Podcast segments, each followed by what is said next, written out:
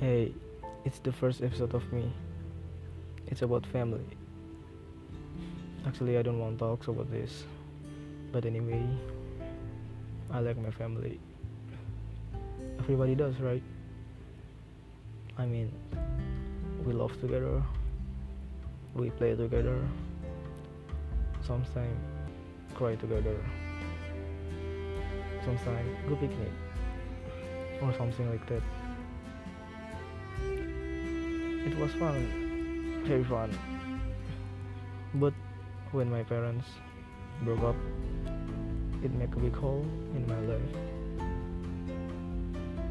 I'm being an intro- introvert.